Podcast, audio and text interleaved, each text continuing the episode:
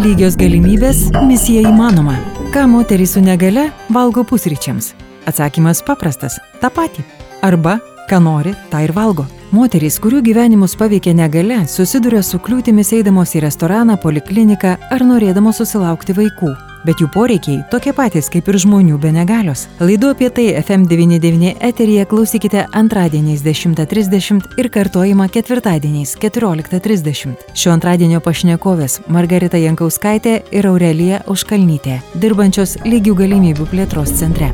Studijoje prie mikrofono Liudas Ramanauskas šios dienos mūsų pokalbėje kalbėsime apie įvairias smurto formas, kurias patiria moteris su negale. Beje, jų apklausa parodė tai, ko ko gero mes nematome oficialiuose statistikose apie smurtą artimoje aplinkoje. Kas ketvirtas smurtą patirianti moteris su negale yra sisteminio fizinio smurto auka, panašus procentas moterų patiria ir nuolatinį seksualinį smurtą, nepaisant tokių skausmingų patirčių, tik apie 20 procentų smurtą patyrusių moterų su negale kreipiasi į policiją, trečdalis jų neieško neieško jokios pagalbos, nes paprasčiausiai netiki, kad situaciją galima pakeisti. Apie tai ir ne tik šiandien mes kalbame su Margarita ir Aurelija. Labadiena, gerbiamos. Labadiena. Labadiena. Labadiena. Jūs e, dirbate lygių galimybių plėtros centre Vilniuje. Ši nevyriausybinė organizacija, ko gero, ypatinga dėmesį dabar, e, kiek atkreipiau dėmesį, skiria būtent moteriams su negale. Ir nežinau, ar iš ties ta oficiali statistika, o Lietuvoje yra apie 120 3000 moterų su negale ir patiriamo smurto atvejai jų iš tiesai statistikoje nėra tiek daug. Tai ar statistikoje visą tai nesispindi, ar iš ties mes gyvename kur kas švariau negu rodo statistika? Iš, iš tikrųjų statistika nerodo situacijos, nes moteris dažnai nesikreipia pagalbos kai kurios moteris net pačios nesuvokia, kad patiria smurtą artimoje aplinkoje. Ir būtent moterų su negale situacija, jinai yra labai specifiška. Mes kalbam apie tai, kad jos patiria ne tik diskriminaciją dėl negalios, kaip ir visi žmonės su negale, bet būdamos moteris, jos atsiduria pažydžiamumų sankirtoje.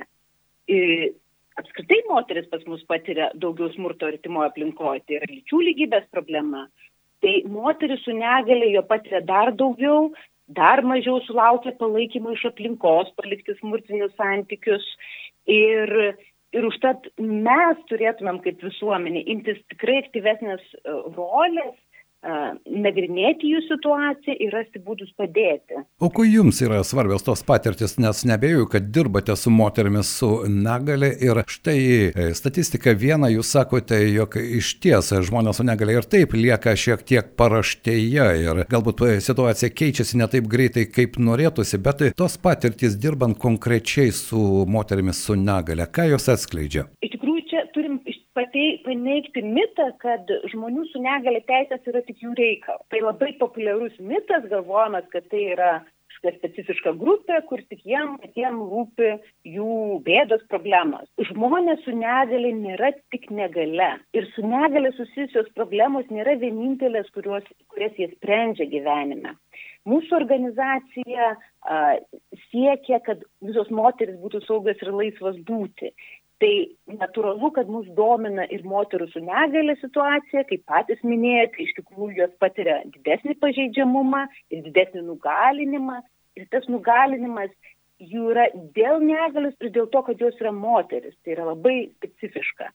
Ir mes kalbėjom apie smurtą, taip pat ribojamos ir moterų su negalė reprodukcinės teisės, teisė turėti vaikų, sukurti šeimą. E, visuomeniai tikrai labai trūksta pavyzdžių apie jų pasiekimus, e, labai gajus stereotipai. Bet negalė sukuria visuomenė. Ir tuos lyčių stereotipus sukuria visuomenė, todėl a, iš tikrųjų domėtis moterimis su negalė yra mūsų visų reikalas, ne, ne tik jų.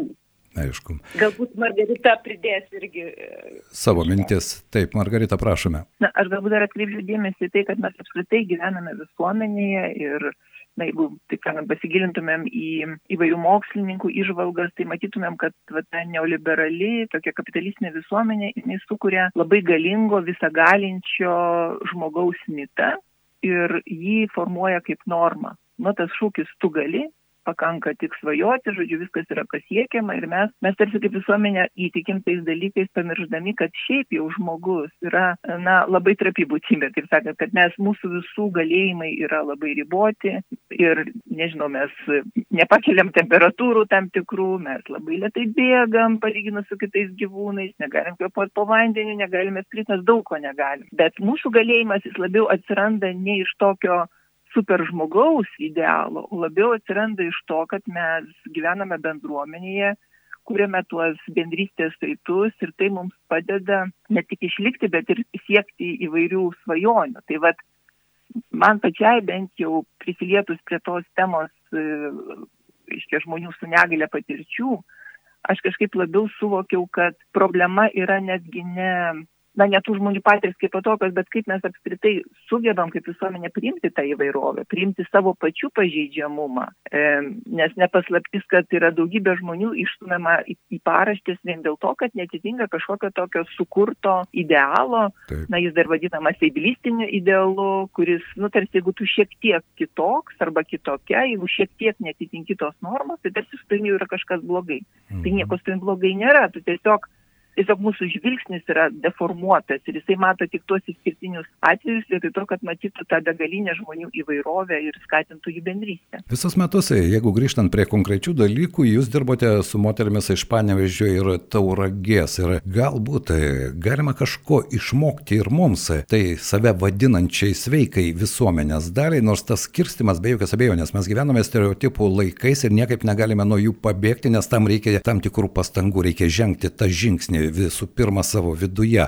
Tai ar tos patirtis jos kažką atnešė ir jums? Be abejo, atnešė ir nu, aš asmeniškai esu anksčiau dirbusi su žmonėmis turinčiais negalę, bet paskutiniu metu tas darbas tikrai buvo gilus ir pavyko užmėgsti šiltus kontaktus e, tai man atnešė tokį labai stiprų pasitikėjimą tiek moterims su negale, tiek apskritai kitomis moterimis, kurios gyvena regionuose, atrodo mažose bendruomenėse, bet ten slypi tiek daug jėgos ir potencialo. Iš tikrųjų, mes turėtumėm palaikyti vieni kitų iniciatyvas, kad galėtumėm kalbėti apie tos trūkdžius, kurie mums trukdo sugyventi ir apie naujus būdus, kaip mes galim nežinau, ištaisyti infrastruktūrinės tokias spragas, kad moteris su negale negali saugiai judėti gatvėmis arba nuostatas pakeisti. Tai vat, mes turime palaikyti vienų, vieni kitų iniciatyvas, kad išbristumėm iš tų stereotipų. Ne?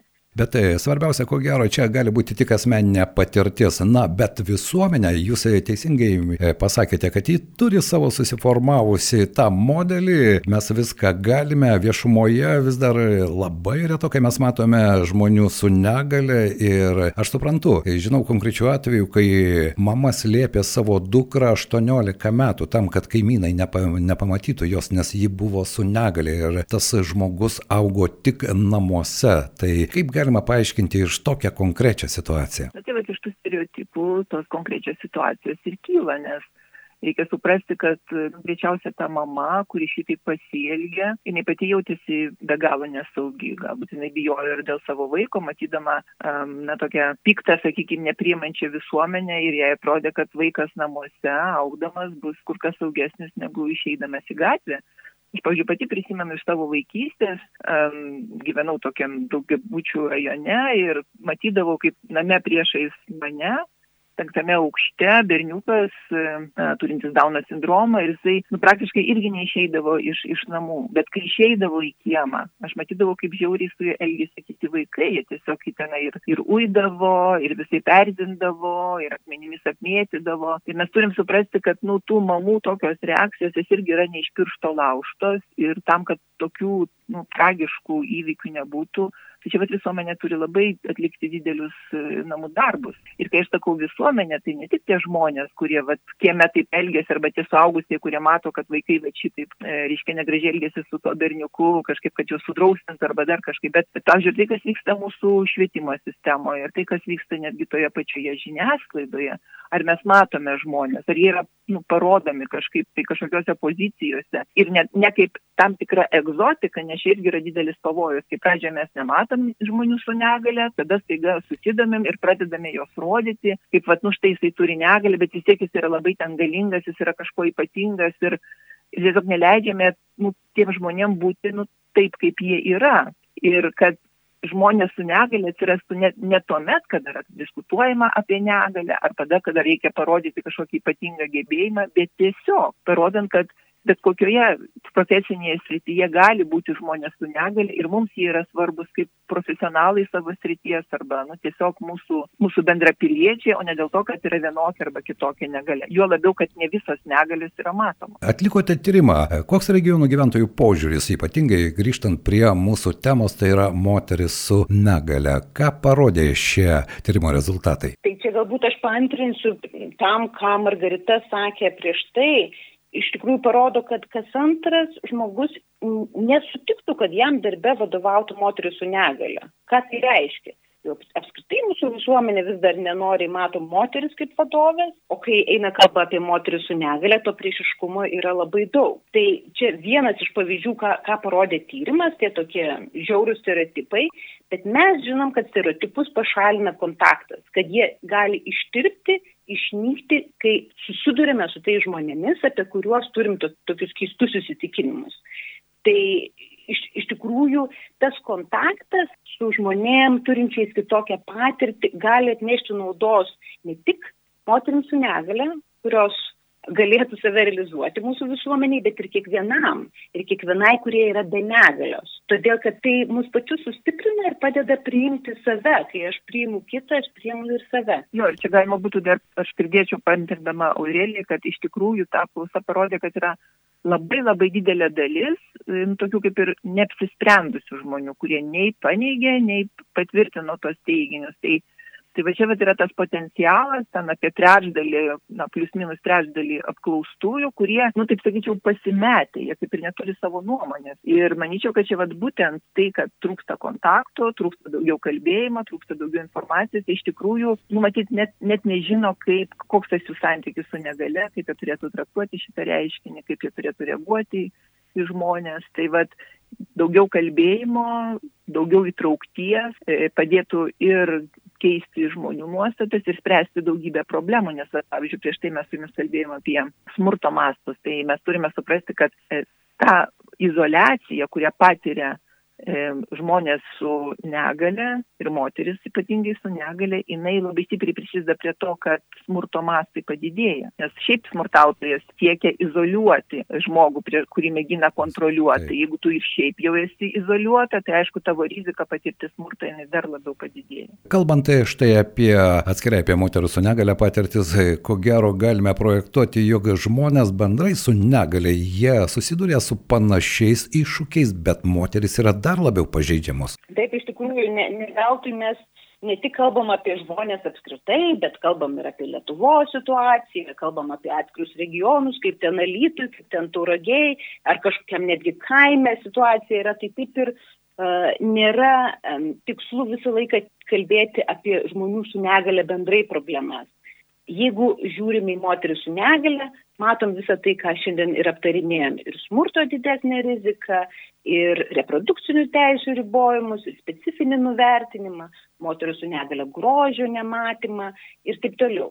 Tai e, turime šitas, apie tai kalbėti tiesiog daugiau, kad mažintumėm tuos barjerus, kuriuos patiria moteris su negale. Taip, iš kitos pusės mes, mes susidurėm su tokiu labai paradoksaliu dalyku, kad kadangi nebuvo nu, tokios praktikos kalbėti apie susikertančias neligybės, tai susiklostė tokia praktika, kad, pavyzdžiui, yra organizacijos, kurios užsiema moterų klausimais, yra organizacijos, kurios užsiema žmonių su negale klausimais, ar migrantų klausimais, ar nežinau, tokiais specializuotos. Ir atrodytų, kad moteris su negale dėl savo pažeidžiamumo turėtų turėti dvigubai stipresnę apsaugą, nu, kad ir moteris, moterų organizacijos, ir negalės organizacijos rūpinasi, bet faktiškai gaunasi, kad nei viena iš tų organizacijų, nu, aš taip sutiršinamas spalvas sakau, e, nu, kaip ir nepasirūpina, nes moterų organizacijos nepakankamai dėmesio skiria negalios klausimams, nes čia tarsi yra ne jų, ne jų klausimas, o organizacijos, kurius užsima negalios klausimais, dažnai neturi pakankamai gilių žinių apie lyčių sistemą. Ir tada gaunasi tie žmonės, kurie atsidūrė sankirtoje, jie kaip tik pat yra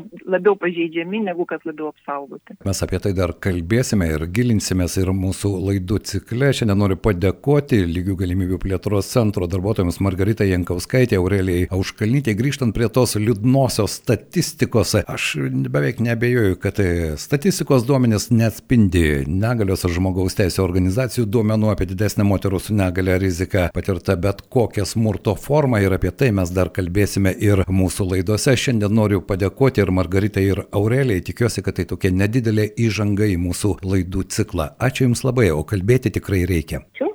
Dėkui. Viso gero. Margita Jankauskaitė ir Aurelija Auškalnytė buvo mūsų viešnios. Radio laidų ciklas parengtas kartu su lygių galimybių plėtros centru. Laidų parengimą remia aktyvių piliečių fondas, finansuojamas EEE finansinio mechanizmo lėšomis.